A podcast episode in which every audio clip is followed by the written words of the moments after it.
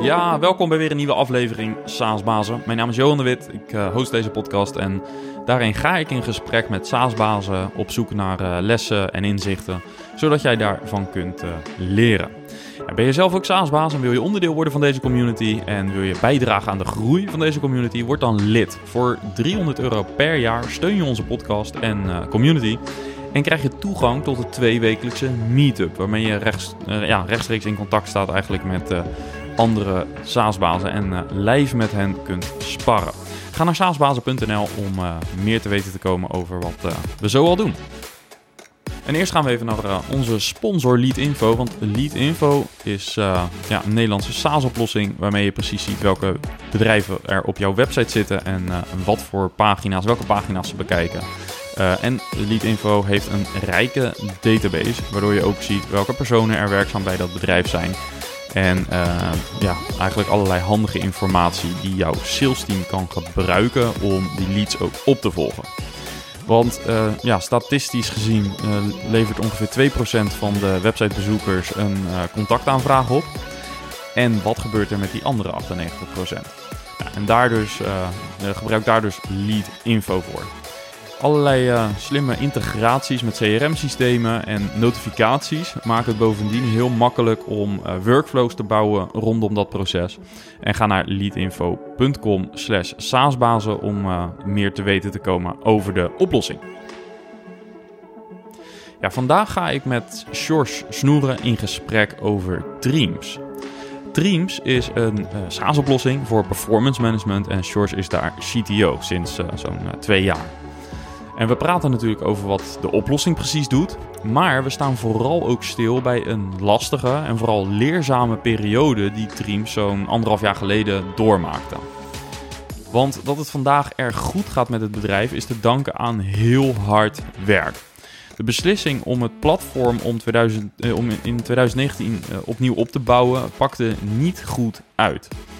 Het product sloot onvoldoende aan bij de klantwens en het team moest tot het uiterste gaan om dat recht te zetten. Dat is gelukkig gelukt, maar dat ging dus niet zonder slag of stoot. En uh, ja, daar uh, komt George in deze aflevering uh, uitgebreid, uitgebreide toelichting op geven. Goed, laten we naar het gesprek gaan. Enjoy! George, van harte welkom in de SaaS Bazen podcast. Dankjewel. We gaan het hebben over uh, jouw business, jullie business. Uh, samen met uh, Iris run je het, het bedrijf Dreams. kun je vertellen wat jullie doen, welk probleem los je op en voor wie? Zeker. Um, ja, wij zijn Dreams. Wij maken software waar medewerkers geïnspireerd worden tot groei. dat is persoonlijke groei of groei op competenties, groei op performance. Um, en wij maken die software niet alleen. Wij helpen ook bedrijven om die software te implementeren. zorgen dat ze een zo hoog mogelijke adoptie krijgen. En uiteindelijk proberen wij om te zorgen dat medewerkers uh, werken uh, in een omgeving waar ze, waar ze blij van worden. Uh, dat ze eerlijk kunnen zijn, dat ze zich kwetsbaar kunnen opstellen.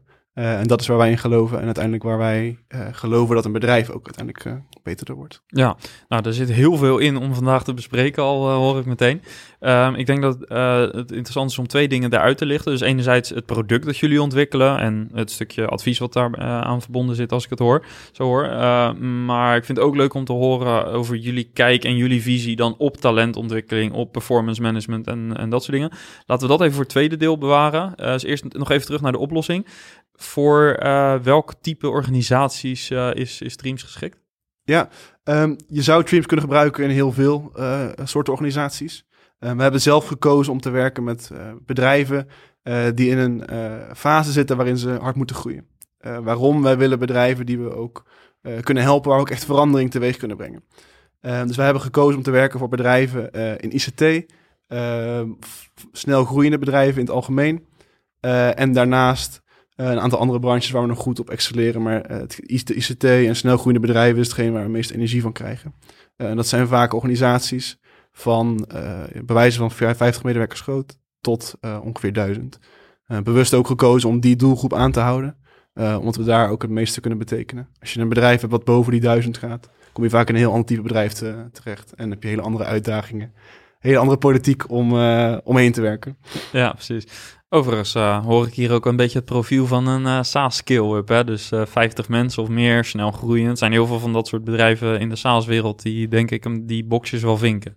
Ja, dat denk ik zeker. Ik denk dat heel veel bedrijven ook lijken op, op ons. Dat ja. we kiezen om met like-minded mensen aan de slag te gaan. Ja, check. Ja, en uh, jullie bieden dus de software. Um, en als, uh, als, een, als iemand klant wordt bij jullie, um, hoe ziet de begeleiding er dan uit? Kunnen ze zelf-service starten of uh, zit daar onboarding bij of advies? Ja, nou kijk, wij hebben, uh, we bestaan nu negen jaar. heel veel geleerd in die negen jaar. Maar de belangrijkste les misschien wel is dat de software een middel is om, om, het doel voor, ja, om het doel te behalen. Um, alleen dat het alleen succesvol wordt op het moment dat je het op een goede manier introduceert in je organisatie. Uh, dat je op een goede manier nadenkt wat je doelstellingen zijn, hoe je die wil behalen. en daarnaast je medewerkers vroegtijdig betrekt en bezig bent met draagvlak vanaf, vanaf dag één. Dus wij hebben een methode ontwikkeld. Die methode zijn negen stappen opgenomen. En die negen stappen zorgen uiteindelijk voor succesvolle implementatie, succesvolle onboarding. Uh, en de klant kan zelf kiezen welke van die stappen zij zelf kunnen uitvoeren of welke stappen zij hulp bij, bij willen. en wij hebben HR-experts in dienst die specifiek ook in dit soort organisaties hebben gewerkt. Dus die weten hoe het is om daar te staan. Um, en die dus door ja, een hele hoop trajecten bij ons al gedaan te hebben, helemaal weten wat daarin de juiste stappen zijn. en goed advies kunnen geven over hoe je die implementatie goed kan doen. een onderdeel daarvan is bijvoorbeeld een communicatieplan opstellen. Um, misschien moet je wel iets ludieks bedenken om het aan de man te brengen. Misschien moet je een keer een borrel organiseren. Misschien moet je een keer een, een Dreamsdag maken. sommige klanten van ons hebben zelfs een Dreams maand, waarin ze bewust hele maand bezig zijn met, met ontwikkeling. Um, en dus ja, wij, wij geloven ook echt wel dat dat de enige manier is hoe die software werkt. Als je het op een manier brengt en introduceert die voor je medewerkers uh, aanspreekt en uh, inspireert. Ja, je bracht het als les, hè, dat dit voor jullie misschien wel een van de belangrijkste lessen is geweest, om ook te kijken naar het succes van de organisatie met de tool in plaats van het verkopen van de technologie, zeg maar. Ja. zeg je daarmee ook dat jullie in het begin wat meer de oplossing verkochten en oh, sorry, het product verkochten en nu wat meer een totaaloplossing verkopen? Nou, ik denk dat dat zit iets anders. Wij zijn vanaf dag één gestart op deze manier. Dus we hebben altijd gedacht, je hebt dat menselijke component nodig om jouw software succesvol te maken. Um, alleen, ja, als bedrijf ga je ook kijken hoe kunnen we de meeste impact maken. En hoe kunnen we de meeste impact maken is uiteindelijk door te groeien. Um, vanuit een SaaS-bedrijf of een, een productgeoriënteerde organisatie uh, zou het heel mooi zijn om te focussen op het product um, en dat schaalbaar in te richten, uh, zodat je zo snel mogelijk uh, als organisatie ook kunt groeien. Dus wij hebben ja, eigenlijk de laatste jaren geëxperimenteerd met meerdere oplossingen waarbij we uh, mensen zelf laten starten uh, met content die we weliswaar beschikbaar maken voor ze, uh, maar met minder begeleiding. Alleen dat blijkt in praktijk lastig. Waarom? Um, zo'n bedrijf, zo'n klant van ons, die stelt zelf een HR-strategie of een HR-plan op. en die moet dat dan zelf gaan vertalen naar de juiste content, de juiste op maat gemaakte gesprekscyclus. Um, en, en ja, dat is gewoon een keuze of een stap die mensen niet gewend zijn om te maken. Dus we willen ze er echt wel bij helpen. Dus we hebben zelf eigenlijk geleerd dat we, we willen graag een productorganisatie zijn die zich focust op het, op het product en de software. Um, alleen we hebben ja, toch echt wel geleerd dat dat menselijke component daarbij essentieel is. Ja, en wie neemt het initiatief bij jullie klant? Dus welke persona is dat dan vaak toch het management? Of zit dat meer bijvoorbeeld in de HR-afdeling? Of is, zijn mensen juist op de werkvloer op zoek naar dit soort tools om, hun, om aan hun ja. ontwikkeling te werken? Nou, ik denk een hele goede vraag. Ik denk dat, dat dit verschilt. Um, nu, en wat je van oudsher eigenlijk ziet, is dat een HR-manager in zijn takenpakket heeft dat hij of zij iets moet doen met performance management. Um, we zien gelukkig nu dat daar ook een verschuiving plaatsvindt, waar we ook met managers in gesprek zijn. Uh, en misschien uiteindelijk wel zelfs met, uh, uh, met teams of medewerkers zelf. Um, wij hebben nu een, een, propositie die alleen werkt als je het voor de hele organisatie of voor een groot deel van de organisatie uitrolt. Uh, wij zijn zelf aan het experimenteren en zien ook dat daar uh, in de toekomst wel een verschuiving gaat plaatsvinden. Althans, dat is wat, ja, wat wij verwachten, onze visie. Dat men zelf in teams ook gaat beseffen, wij willen hier aan werken en ik vind het belangrijk. Misschien krijg ik HR niet mee of krijg ik mijn management niet mee, maar ik wil gewoon deze tool zelf. Dat is hetgeen waar wij uiteindelijk heen willen en waar wij zien dat ook de, ja, de toekomst zit. Ja, dus dat betekent dat je in de toekomst misschien niet alleen meer de buyer gaat targeten met marketing, maar dat je misschien ook wel de user meer aandacht gaat geven in, nou ja... Ja, eigenlijk een andere manier ook van acquisitie. Ja. In plaats van dat je eh, top-down probeert binnen te komen, eh, een moeilijk lang traject ingaat, ehm, ga je meteen kijken met die eh daadwerkelijk eindgebruiker, eh, die zelf een intentie heeft om te groeien en daarmee bezig te zijn. Ehm, of eh, de manager, een laag daarboven, ehm, die het misschien alleen met zijn team start op kleinere schaal.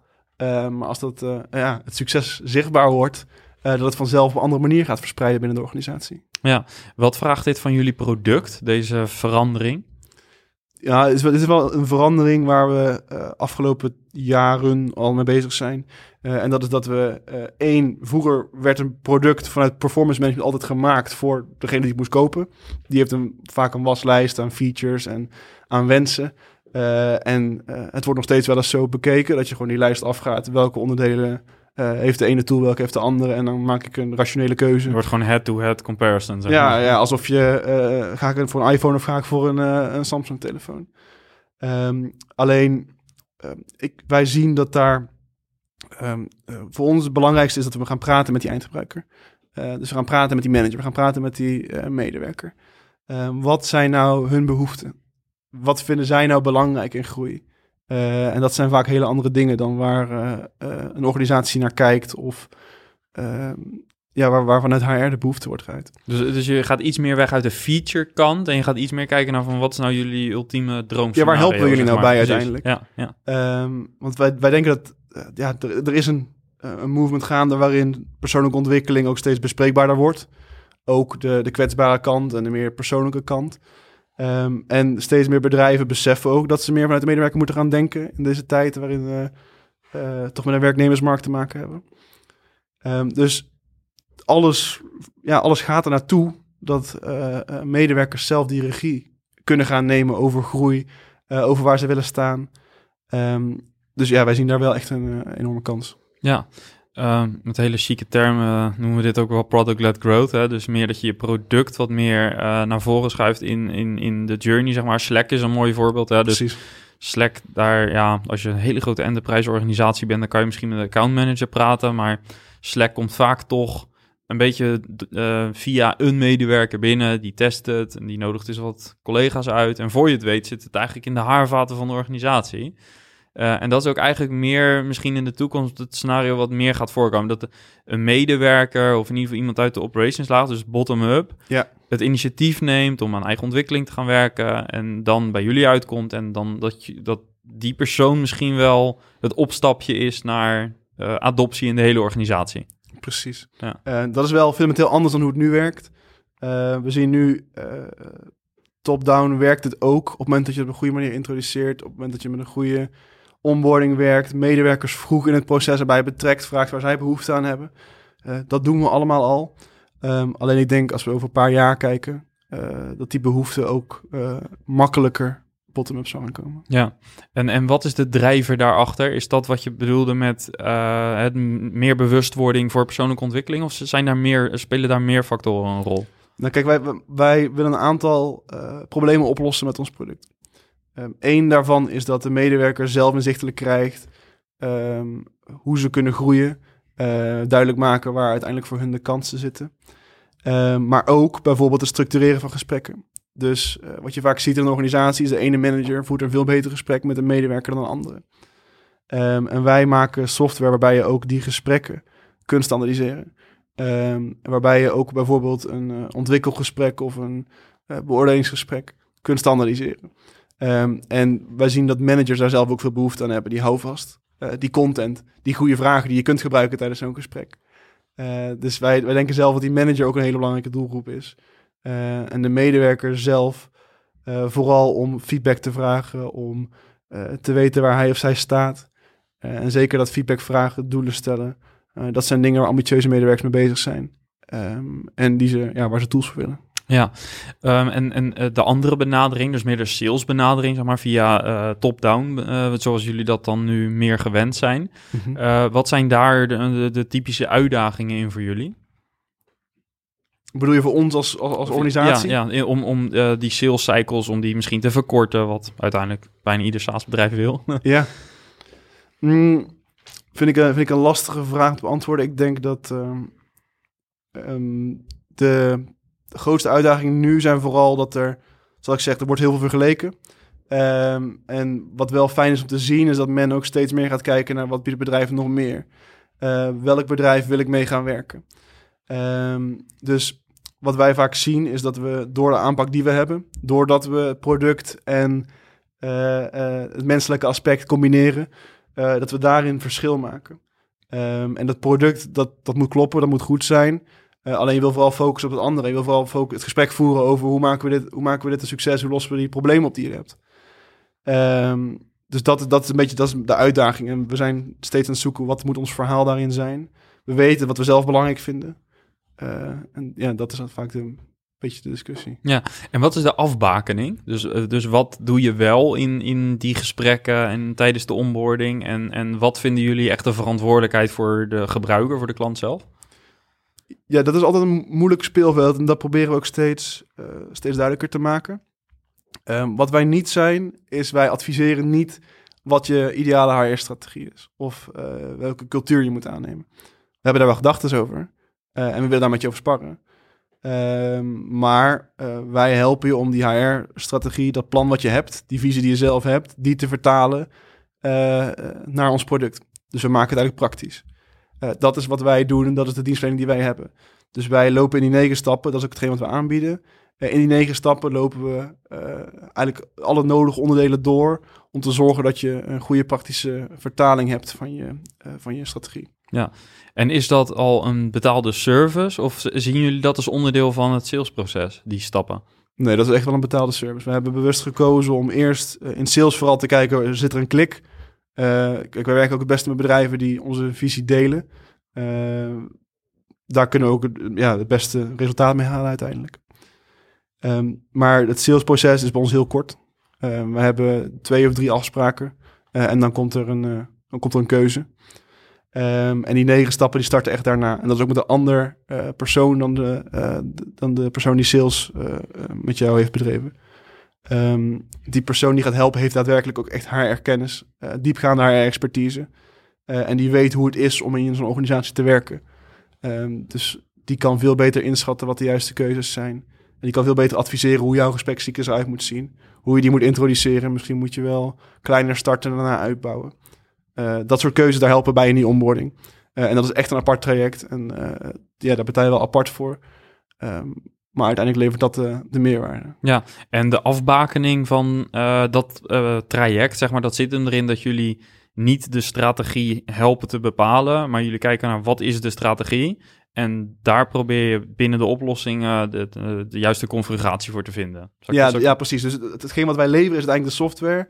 En de input die we eigenlijk nodig hebben is een, een HR-strategie eh, en een visie die staat. eh, en die helpen we doorvertalen. Ja. Mooi samengevat. Ja, en komen eh, klanten dan eh, vaak al met zo'n HR-strategie aan? Of ehm, eh, zit daar vaak bijvoorbeeld een partner bij, een HR-adviseur? Of moeten jullie ze nog regelmatig doorverwijzen, bijvoorbeeld naar bedrijven, om eerst aan die strategie te werken? Hoe ziet dat eruit? Ja, we hebben, ehm, we hebben een aantal partners die ook daarbij kunnen helpen. met het bepalen van die strategie.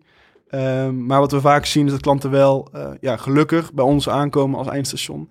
eh, wanneer ze al eh, zelf die strategie hebben bepaald.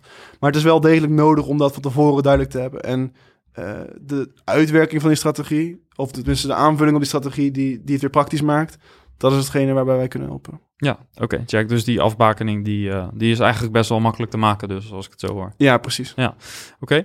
Ehm, eh, jouw rol, ehm, je bent eh, technisch verantwoordelijk onder andere voor het product.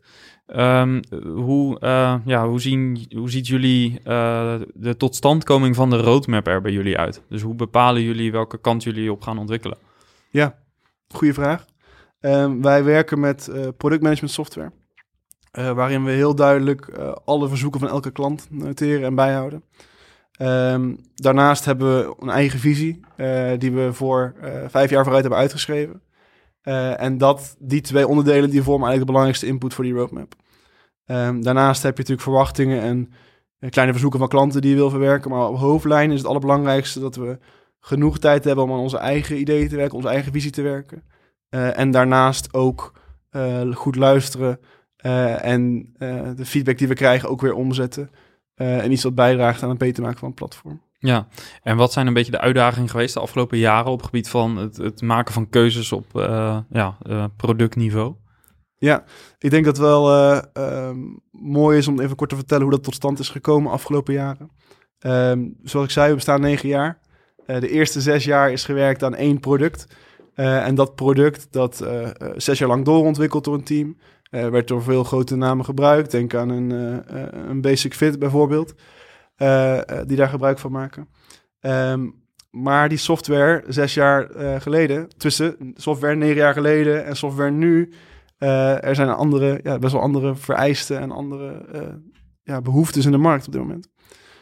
De oude software die we hadden, die werkte met één standaard gesprekscyclus. Dus je hebt elke keer moet je eerst je doelen opstellen. Dan mag je door met je evaluatiegesprek. Daarna mag je een keer feedback uitvragen. Um, en wat we merkten is dat een bedrijf, zeker als het bestaat uit meerdere business units met een andere, uh, andere doelgroep, andere medewerkers, um, dan, ja, dan is het geen oplossing meer. Uh, bijvoorbeeld wat we zien, er zijn organisaties die uh, hebben een, een, hoofdkantoor en die hebben een afdeling logistiek. Die willen echt op een andere manier omgaan met die medewerkers en op een andere manier die medewerkers uh, die ziektes laten doorlopen. Dat komt gewoon weer niet met het oude systeem. Dus uh, drie jaar geleden is de, de keuze gemaakt om opnieuw te starten. best wel een bold keuze geweest. en daarin zijn ze ja, toen echt opnieuw na gaan denken van we, hebben heel veel learnings nu van de afgelopen zes jaar. Ja, we gaan nu kijken hoe we dat toch mogelijk maken om het meer flexibel in te steken. Waarop je je eigen cyclus kunt ontwerpen en per doelgroep die cyclus kunt toepassen. Uh, en dat is drie jaar geleden gestart. Ehm, toen een, een andere persoon de lead gehad over, over techniek en over de richting. en wat we toen merkten is, het team wilde vooral maken wat, wat het vorige product niet was. Dus er werd vooral gekeken, wat we, niet, wat we toen hadden was niet goed, dus het moet nu anders. Um, dat is natuurlijk wel een verkeerd vertrekpunt. Je hebt heel veel geleerd zes jaar lang. Dus je wil ook die learnings meenemen en dat niet zomaar, zomaar vergeten. Um, dus we hebben eigenlijk best wel een, moeilijke lancering gehad van het nieuwe platform.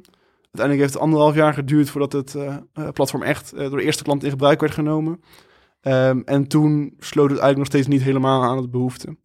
dus we zijn eigenlijk anderhalf jaar geleden gestart met het nieuwe product dat we hadden weer opnieuw bekijken. Opnieuw kijken van oké, waar, waar, staan we nu? Status opmaken. En waar willen we heen? en toen hebben we eigenlijk de keuze gemaakt om een aantal dingen opnieuw te doen van het nieuwe systeem. De dingen die goed waren intact te houden. maar langzaam maar zeker de moeilijke ja, de onderdelen die niet goed werkten of niet goed aansloten op, op de vraag. Om die opnieuw te gaan doen. en die opnieuw te gaan ontwikkelen, opnieuw te gaan maken. en sinds een maand nu zijn we daar helemaal mee klaar. En hebben we eigenlijk al die onderdelen die frictie veroorzaakt of problemen veroorzaakt, hebben we kunnen vervangen. En hebben we uh, eigenlijk opnieuw uitgedacht en uitgewerkt. Ja, en, en wat hebben jullie fundamenteel anders gedaan dan de eerste versie van de rebuild, zeg maar? Ja, goede vraag. Um, wat we echt anders hebben gedaan is, we hebben eerst gekeken naar het klinkt heel simpel, hè? Gekeken wat is nou de behoefte van die klant. Dus we hebben heel veel gepraat. Ik denk dat we een maand of twee alleen maar gepraat hebben met klanten. Alleen maar geluisterd hebben, wat is nou de behoefte? Wat gaat er nu mis? Waar loop je tegenaan? En dat ontwerp gemaakt, ontwerp getoetst. Eigenlijk een ontwerpcyclus zoals je hem zou willen. die hebben we uitgevoerd. Alleen die was ja, drie jaar geleden helaas niet goed genoeg uitgevoerd. Er was toen een, een team wat heel erg technisch en inhoudelijk heel sterk was. Maar wat wat minder goed kon inschatten wat de behoefte van de klant was. Dus daar hebben we echt naar gekeken. De afgelopen anderhalf jaar zijn we dus bezig geweest continu praten met klanten. Wat is jullie behoefte? Waar lopen jullie tegenaan? Hoe kunnen we de software die we nu hebben nog beter maken? Snap je wat er staat? Um, en dat hebben we dus nu anderhalf jaar lang gedaan en daar plukken we nu de vruchten van. We hebben nu een systeem wat uh, nu het nieuwe systeem voor meer dan 50 klanten nu online is, uh, die hier actief gebruik van maken. Uh, er zitten wat kleine klanten bij, er zitten ook hele grote bij. Um, en die maken dus nu dagelijks gebruik van de software.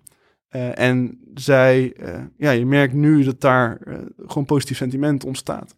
Mensen zijn blij, mensen zijn trots op wat er staat, vinden het leuk om te gebruiken. Medewerkers vinden het leuk om te gebruiken. Um, maar dat heeft wel, ja, achter de schermen anderhalf jaar lang continu moeilijke keuzes maken. onderdelen opnieuw ontwikkelen. eh, weer opnieuw nadenken, oké, hoe gaan we dit stukje overzetten zonder dat mensen daar last van hebben? Hoe ga je weer opnieuw een verandering presenteren aan je klant, die die al eh, een paar keer hebben gehad de afgelopen maanden? Ja. Dus dat is best wel een, eh, een tijdrecht geweest. Ja, en, en wat heeft dit gedaan met jullie team? En ook misschien wel de moraal van het team? Ja, het team, ehm, en dan spreek ik even over anderhalf jaar geleden. Ik denk dat het het moeilijkste punt was. Het punt dat we allemaal, allemaal beseften, uh, er is nu gewerkt aan, uh, aan een nieuwe versie. We hebben eigenlijk uh, ja, toch best wel een moeilijke keuze gemaakt. We gaan iets opnieuw doen, iets wat zes jaar lang ontwikkeld hebben. alleen we staan nu anderhalf jaar verder en we hebben eigenlijk iets wat niet, wat niet werkt of wat niet aansluit. en dat was het punt dat men ook ja, wat, wat vertrouwen verloor in, in management. en dat was wel spannend, want daar je bouwt zeven jaar, zeven en half jaar lang aan een, aan een product. En je, je hebt eigenlijk altijd goede, goede sfeer. Je, je, hebt alles onder controle lijkt. Klanten blijven komen. Klanten zijn blij. Um, en opeens zit je op een punt dat je geïnvesteerd hebt in een, in een product, anderhalf jaar lang. Uh, iedereen heeft verteld, het komt eraan. En het komt maar niet. En het is niet goed. En uh, ja, dat is echt een heel moeilijk punt geweest. En er is ook echt een... We hebben één dag gehad daar dat we met z'n allen bij elkaar stonden... En dat er mensen besloten om te zeggen: uh, ik stop of ik, ik geloof het niet meer. Um, maar er zijn ook mensen geweest die gezegd hebben: we beseffen nu waar we staan. Ehm, we weten wat er aan de hand is. We weten wat we moeten oplossen. Um, we hebben vertrouwen in het bedrijf en in de visie. En we gaan het gewoon doen. En die mensen zijn er de dag van vandaag nog steeds. Dus dat was wel vanuit ons bedrijf echt wel een, een hele grote les en een hele grote ja, iets waar je verwacht dat je niet gaat komen als je het zes jaar lang, zes, zes, zeven en half jaar lang echt goed doet. Continu die groei ziet. En ineens heb je een jaar dat je uh, met hele andere dingen bezig bent. Ja, en uh, sowieso uh, knap dat je deelt.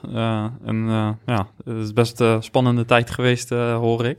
Ehm, wat hebben jullie gedaan om dat vertrouwen terug te winnen van, van de mensen? Je, je hebt het over die dag dan natuurlijk, maar wat, wat hebben jullie verder gedaan om dat vertrouwen van het team terug te winnen? Ehm, een aantal zaken één, ik denk het begint inderdaad bij die dag. Hè. Het begint met zeggen, er is een probleem, we staan hier nu. Um, we weten wat we kunnen doen. Um, het gaat nog wel, ja, anderhal, het gaat nog wel duren. We hadden zelf op twee jaar gekregen, nu ben anderhalf jaar uiteindelijk voor elkaar gekregen. Um, maar het begon uiteindelijk wel met dat uitspreken en zeggen, we weten waar we nu staan. we weten wat we moeten doen. daarnaast hebben wij één die dag dus gehad waarin we uh, ook eerlijk en open met elkaar besproken hebben hoe iedereen erin stond. En ik denk dat dat veel vertrouwen gegeven heeft, want mensen hebben ook kunnen uiten waar ze mee zaten. Um, dat was een moeilijke dag vanuit management, omdat we ons kwetsbaar moesten opstellen. Uh, open moesten staan voor, uh, voor feedback, ook voor niet leuke dingen. Um, en ik denk dat dat wel ook laat zien hoe belangrijk het is om als leider open te staan voor kritiek en open te staan voor, voor het echte verhaal. Um, en eigenlijk wat je daarna merkte is, de mensen die zich hadden gecommitteerd, die vonden het spannend, maar die gingen uiteindelijk wel door. Um, en we hebben zelf één keer per kwartaal een dag dat we uh, echt even met z'n allen bij elkaar komen. Dat iedereen presenteert wat, in eerste instantie wat ze voelen, waar ze tegenaan lopen. Uh, misschien zijn ze heel erg blij, misschien zijn ze uh, ja, wat, wat, minder vrolijk of verdrietig. Um, laat mensen dat uitspreken en heb het daarover met elkaar. en dat is wel de sfeer die we altijd hebben geprobeerd te creëren. Zonder daar heel wollig over te doen of zonder daar uh, uh, iets, iets heel wazigs van te maken. Maar dat, die type cultuur, dat, dat gevoel, dat heeft wel echt geholpen. en dat hebben we eigenlijk kunnen doen tot, ja, tot de dag van vandaag. en dat is wel wat uiteindelijk het vertrouwen heeft gegeven. Ehm, moeilijke keuzes maken, maar wel blijven inchecken bij elkaar. Hoe gaat het? En ja, er zijn ook momenten bij dat iemand een maand lang niet vooruit kwam. Ja, wat doe je daarmee?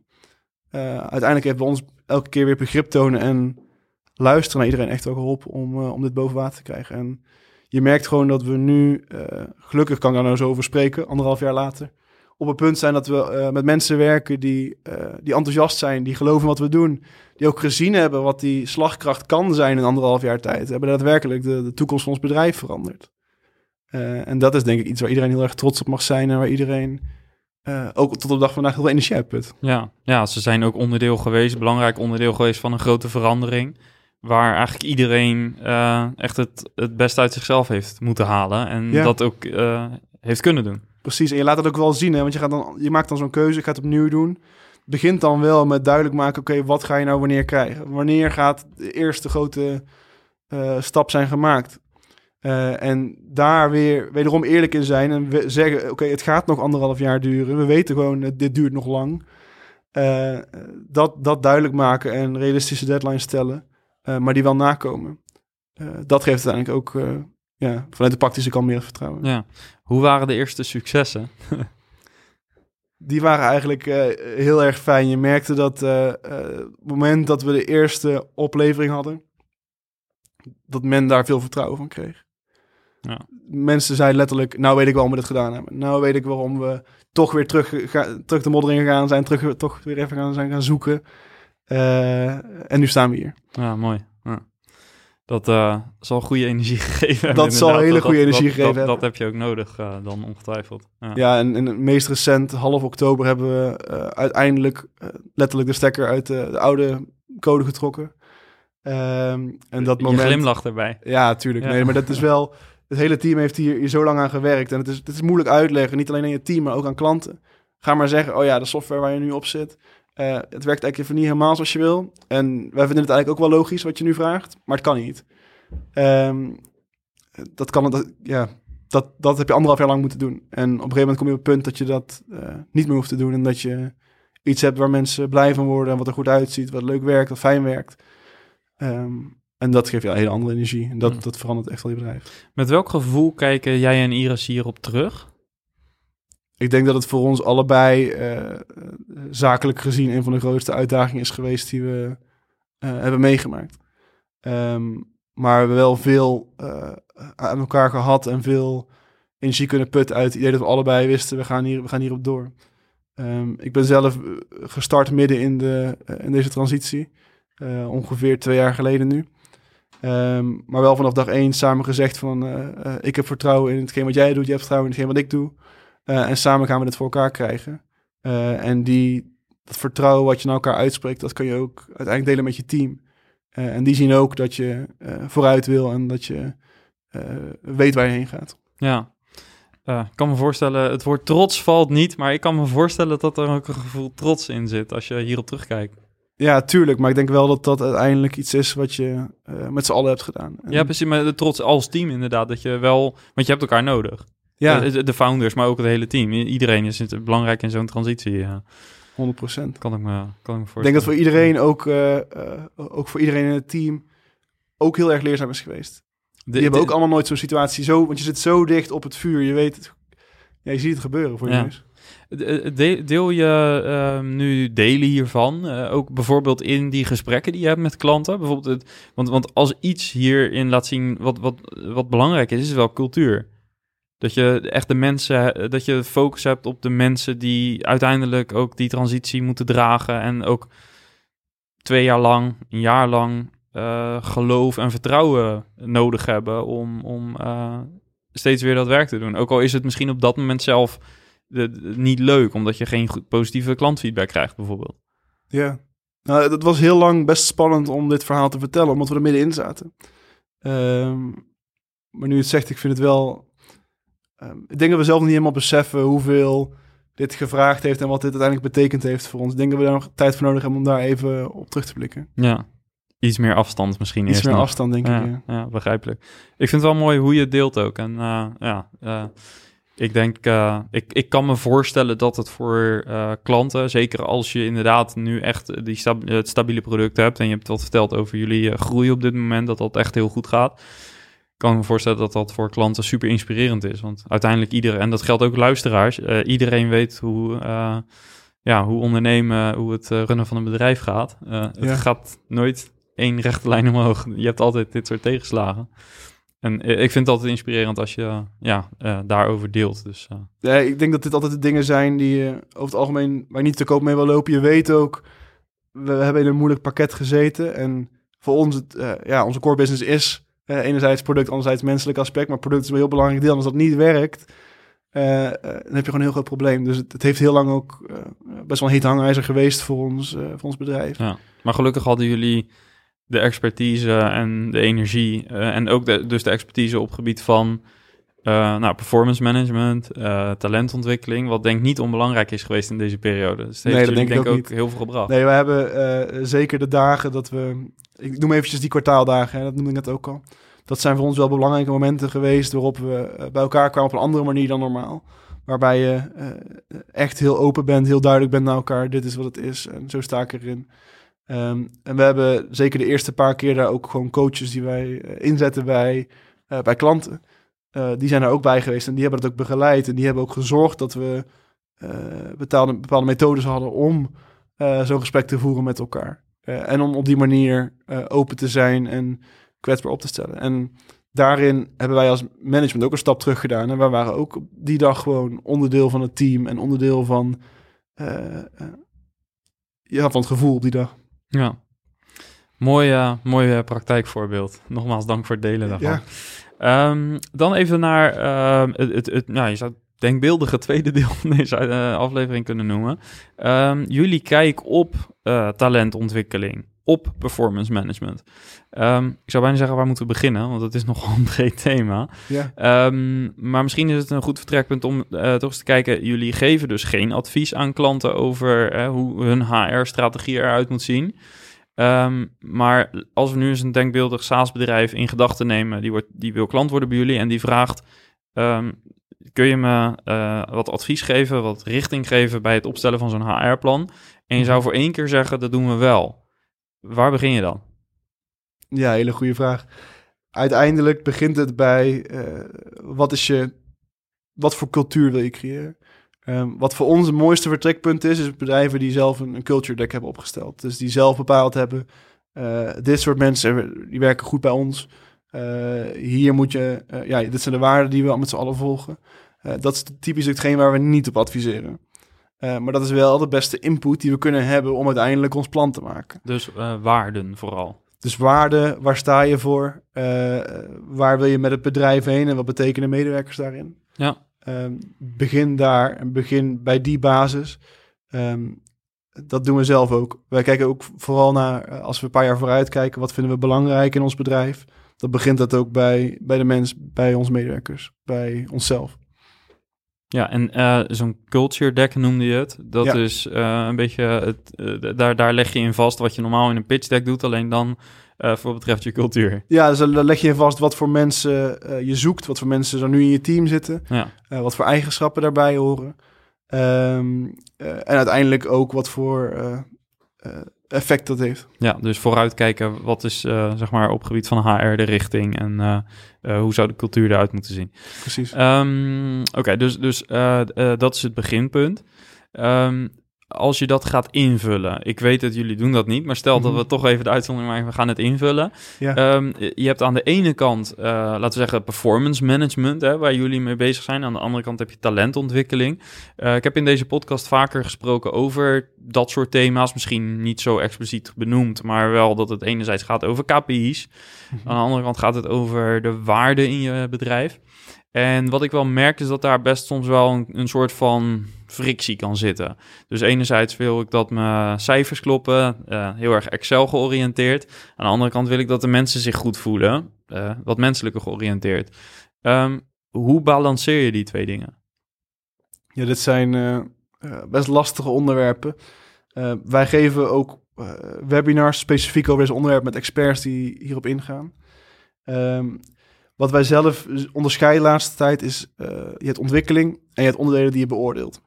Ehm, en zelfs je eh, doelen of de doelen die je stelt, kunnen met beide te maken hebben. Dus het onderscheid is best wazig en best lastig. En elk bedrijf deelt het ook weer anders in. Het ene bedrijf eh, pakt die KPI's specifiek als doelen en werkt niet met ontwikkelingsdoelen, de ander wel. Dus je merkt dat daar best wel verschil in zit, ook hoe bedrijven dat implementeren.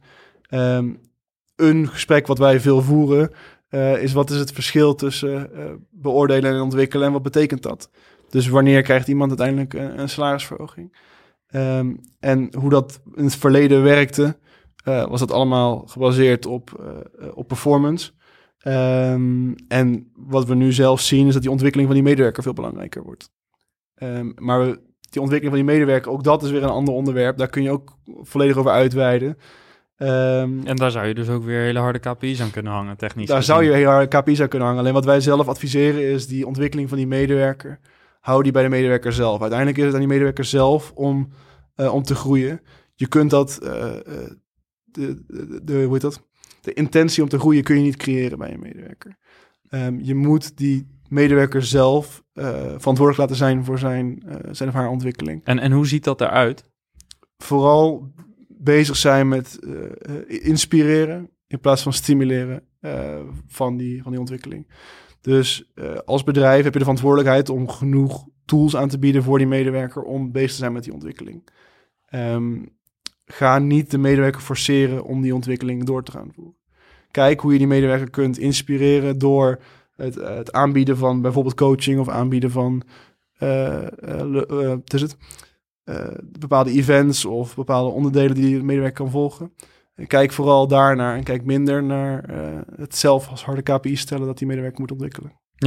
En eh, als er dan bepaalde medewerkers dat niet doen, zeg maar, dat ze dat niet voldoende oppakken, ehm, wat, wat is dan jouw aanpak daarin? Ik denk dat je als, als manager wel de verantwoordelijkheid hebt om het gesprek aan te gaan met je medewerker hierover. Eh, maar goed, er zit wel echt een fundamenteel verschil tussen iemand forceren om het te gaan doen en iemand inspireren om, om aan de slag te gaan met ontwikkeling. Dus het is de verantwoordelijkheid van de manager om wel aan te bieden wat de opties zijn eh, eh, en uit te leggen wat dat betekent voor die medewerker. Ook met de medewerker daarover in gesprek gaan. Dus het moet bijna een uitnodiging zijn om. Ja, precies. Ja, Ehm, we hebben ook klanten die zeggen als een medewerker zegt ik wil niet ontwikkelen, dan doen we het gewoon niet. Dat, dat gebeurt ook. Een klant die gewoon zegt, ik, die medewerker moet zelf die verantwoordelijkheid nemen, anders is het zonde van onze tijd. Eh, als medewerker niet wil ontwikkelen, is het eh, uiteindelijk aan de medewerker, maar we beoordelen uiteindelijk op deze harde KPI's. ja. Eh, hoe, ga, hoe zou jij daarmee omgaan met zo'n situatie? Mm, In ons eigen bedrijf. Ja? Ehm, ik vind het belangrijk dat de medewerker uiteindelijk ook laat zien dat hij, hij of zij wil groeien.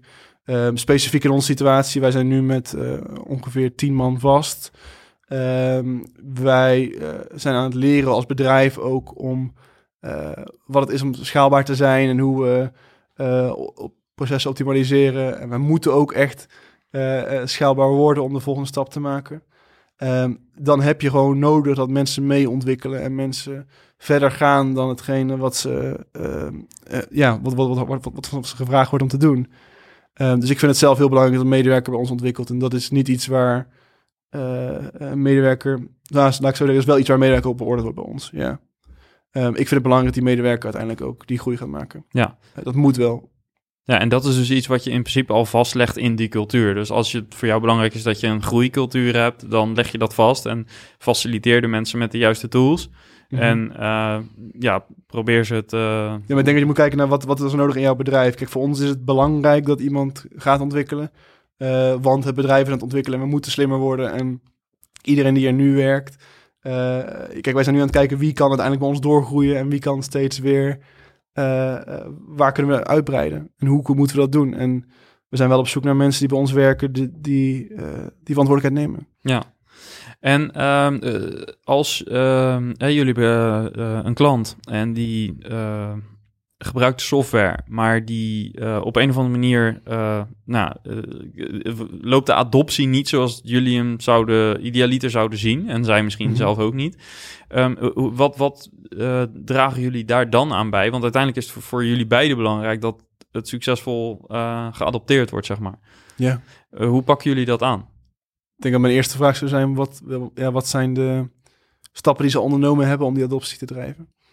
Eh, kijk, er zijn een aantal dingen die wij zien waardoor adoptie niet werkt. Bijvoorbeeld, eh, niet, heel niet heel het management is erover eens dat er een belang is om te werken aan ontwikkeling. Eh, dat, dat zien we letterlijk gebeuren. Ehm, dan is het heel moeilijk om dat ook op een manier uit te voeren dat het door de hele organisatie zichtbaar wordt. Ehm, dus er zijn, een aantal, er zijn een aantal redenen waarom het niet zou kunnen werken. Bijvoorbeeld de communicatie slaat niet aan.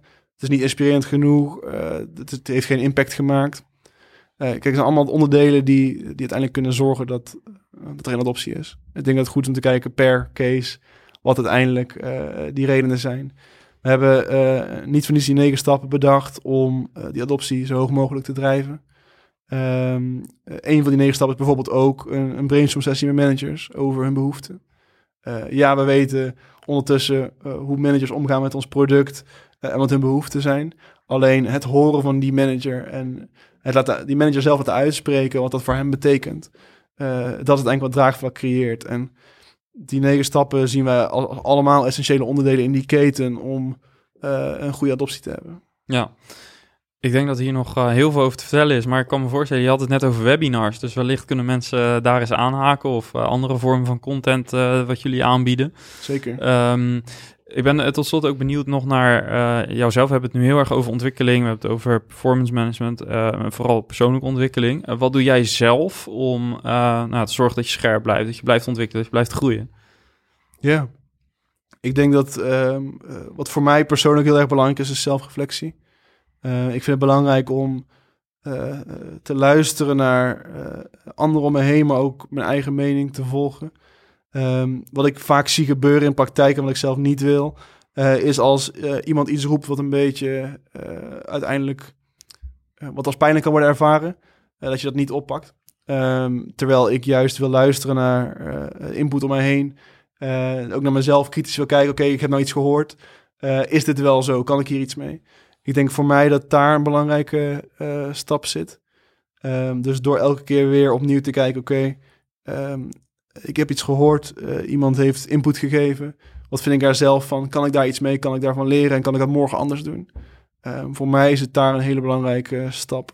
Uh, en daarbij is het ja, loskoppelen van je trots en je ego wat altijd wel de grootste uitdaging. en ik denk dat veel mensen dat ook wel zullen herkennen. Maar het belangrijkste voor mij is, die, probeer die ego los te koppelen, hoe pijnlijk het ook is, op zo'n moment. En, en wat houdt dat voor jou in, ego los koppelen? Op wat voor moment is dat uh, uh, top of mind? Nou, kijk, weet je ik vind het belangrijk dat het, hetgene wat wij met het bedrijf doen, dat dat een bepaalde mate van, van kwaliteit uitstraalt en dat de, de klanttevredenheid hoog is. Ik vind het belangrijk dat hetgeen wat wij doen, dat dat gewoon goed is.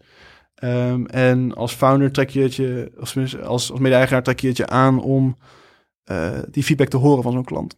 Uh, of die feedback te horen van een medewerker die zegt, oh ja, ik vind dit niet goed georganiseerd of dit is lastig.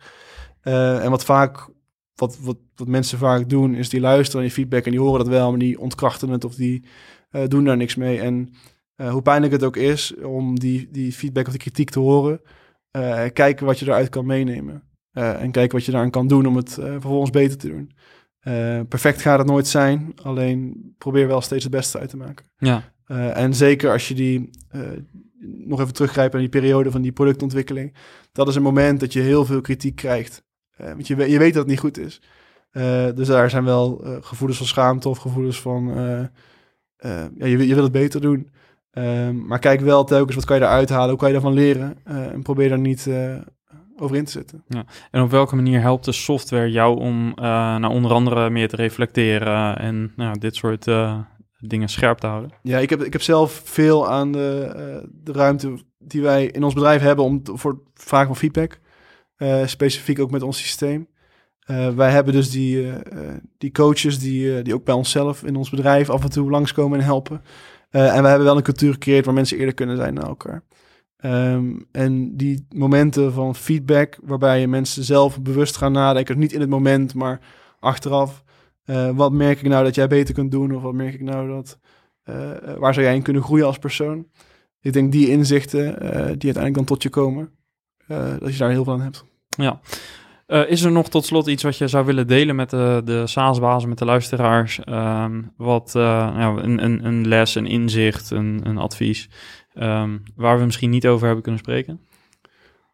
Mm, ik denk dat voor mij het, het allerbelangrijkste eigenlijk wat ik net noemde. Um, ik vind dat je als, als leider jezelf kwetsbaar moet opstellen. Uh, je moet luisteren naar je medewerkers. Uh, zonder dat je daar uh, jezelf in verliest en de medewerker laat bepalen wat het wordt. Maar um, ik denk dat je goed moet kijken naar hoe kan ik op een manier leiding geven waarin ik wel daar sta, wel mijn visie tot iemand kan brengen, maar waarop ik ook luister naar die medewerker ehm, of mijn, ja, mijn collega, mijn teamgenoot en luister naar wat ze te zeggen hebben. en hoe kan ik dat dan tot me nemen? ik denk dat dat iets is wat, wat, wat, wat meer zou mogen in de wereld. Dat mensen luisteren naar elkaar, daar iets mee willen doen. Niet beoordelen op hoeveel jaar iemand ervaring heeft in iets. Maar luister oprecht naar wat iemand te zeggen heeft en doe daar iets mee. Mooie afsluiting. Thanks.